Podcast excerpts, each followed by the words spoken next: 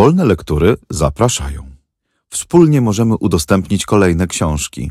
Wejdź na wolnelektury.pl i dorzuć się do biblioteki. Audiobooki wolnych lektur są udostępniane na wolnych licencjach, co oznacza, że możesz je swobodnie wykorzystywać, udostępniać, pobierać i publikować pod warunkiem zachowania warunków licencji i zgodnie z zasadami wykorzystania wolnych lektur, które znajdziesz na naszej stronie wolnelektury.pl. Charles Baudelaire. Kwiaty zła. Tłumaczenie Antoni Lange Adam Emski. Czyta Joanna Niemirska. Nagranie Studio Dźwiękowe Art Republika Rafał Poławski. Widmo. Ciemności. W niezgłębionych mych smutków posępnej jaskini gdzie mnie już zamknął wyrok przeznaczeń surowy, kędy nie wnika promień wesoły, różowy, kędy ze mną noc tylko, chmurna gospodyni. Jestem jak potępieniec, przez Boga szyderce skazany na tle cienia malować niestety. Kędy kucharz grobowe gotujący wety, Ważę wciąż i spożywam własne moje serce.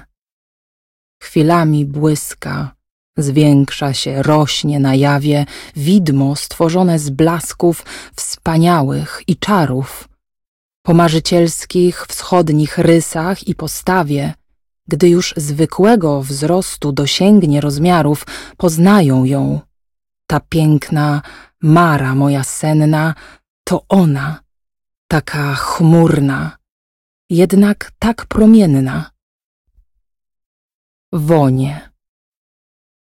Czytelniku, czyś kiedyś chłonął piersią całą, powoli i z rozkoszą zapach z kadzielnicy wyzionięty, gdy ściany napełni świątnicy, albo torebki z piżmem woń niewywietrzałą?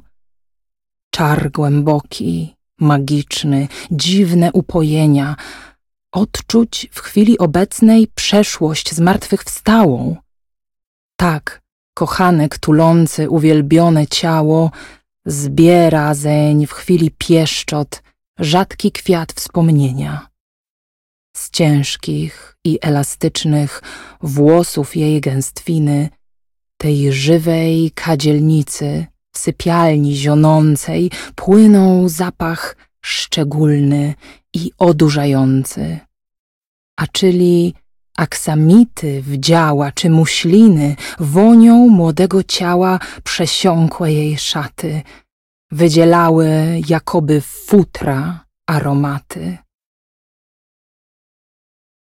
Ramy jak obraz, choćby mistrza wsławionego, nabiera blasku od ramy kunsztownej, wdzięk jakiś dziwny, czar jakiś cudowny, wyosobniając ją z świata całego, sprawiał, iż sprzęty, klejnoty kosztowne, złoto służyły jej rzadkiej piękności, iż nic nie mogło przyćmić jej jasności, lecz wszystko ramy dawało stosowne. Rzekłbyś, że czasem jej samej się zdało, iż wszystko chce ją kochać. Śliczne ciało rzucała w uścisk tkaniny jedwabnej, nagie, drgające, lub w bielizny puchy, a wszystkie żywe czy wolne jej ruchy miały wdzięk małpki dziecięco powabnej. Portret Śmierć i choroba czynią garść popiołu.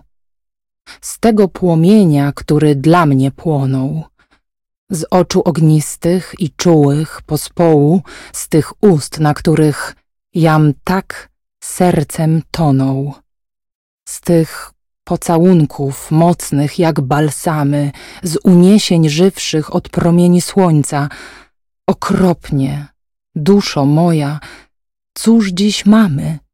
Co pozostało? Szkic, kartka niknąca, która wraz ze mną w samocie zamiera, i którą starzec złośliwy, czas srogi, z dniem każdym ciężkim skrzydłem swym zaciera. Morderco chmurny, życiu, sztuce wrogi, w pamięci mojej nie zatrze twa siła, tej, co mym szczęściem i chlubą mą była. Ten audiobook pochodzi z biblioteki internetowej Wolne Lektury. Znajdziesz w niej tysiące darmowych e-booków i audiobooków. Jesteśmy niekomercyjną organizacją pozarządową i działamy dzięki wsparciu darczyńców, takich jak ty. Wspólnie możemy udostępnić kolejne książki. Wspieraj Wolne Lektury stałą comiesięczną kwotą lub wesprzyj nas jednorazowo. Wejdź na wolnelektury.pl i dorzuć się do nowych nagrań.